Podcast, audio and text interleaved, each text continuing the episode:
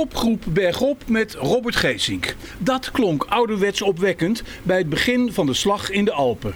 Het bal van de sprinters was voorbij, nu was het aan de klimmers. En danseuse.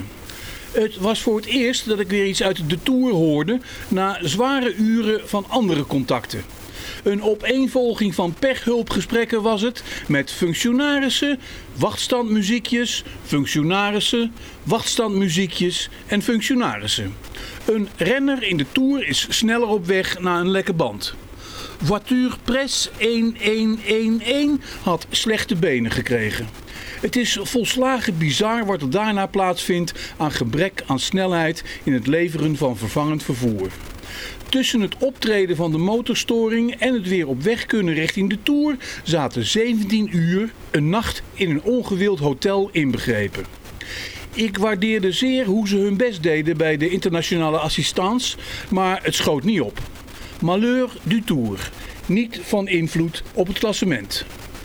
De opgewekte vrouw achter het stuur van de taxi vertelde me op weg naar de vervangende auto dat ze precies wist met welke merken het mis was na een zekere hoeveelheid kilometers. Ze noemde ook mijn Franse auto. Ter vervanging kreeg ik een Franse auto. Onder het doden van de tijd had ik inmiddels een commentaar gelezen in Le Figaro over het fantastische onthaal van de Franse wereldkampioenen op de Champs-Élysées. Het voetbal is meer dan het voetbal, was de vaststelling. De straten van steden en dorpen, gekleurd door blauw, wit, rood, zijn het bewijs. Frankrijk zoekt een wij zijn één, een gedeelde trots, een collectief avontuur. In de tijd die een wedstrijd duurt, heeft een gefragmenteerd land zichzelf hervonden. Het immense talent van Griezmann, Mbappé, Loris en alle anderen heeft een bejubelde verbinding geopend. Maar zoals de recente geschiedenis leert, duurt dit soort wonderen niet langer dan een ogenblik. Tot zover Le Figaro. Ik begon direct te verlangen naar de enorme kracht van Ronald Koeman met zijn totaal vernieuwde, allesverbindende, multiculturele oranje. Eerst maar weer eens de Tour in. Ik was mentaal danig uit koers geraakt met die autoperikelen. In L'Île d'Abo ben ik een bar met een televisie gaan zoeken om de finale naar Le Grand Bornand te zien. Het werd Le Véronne, een knap verlopen café in het centrumpje van de gloednieuwe gemeente uit de jaren 80 van de vorige eeuw.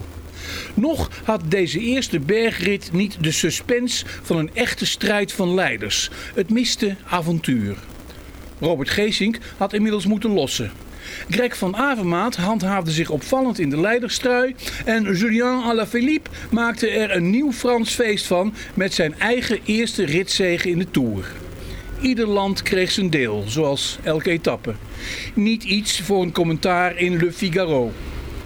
Op kamer 304 in het Hotel d'Angleterre in Grenoble heb ik een fraai uitzicht op de bergen. Laat de strijd echt beginnen. Het volk heeft zich vereend in een verlangen naar ouderwetse heroïek.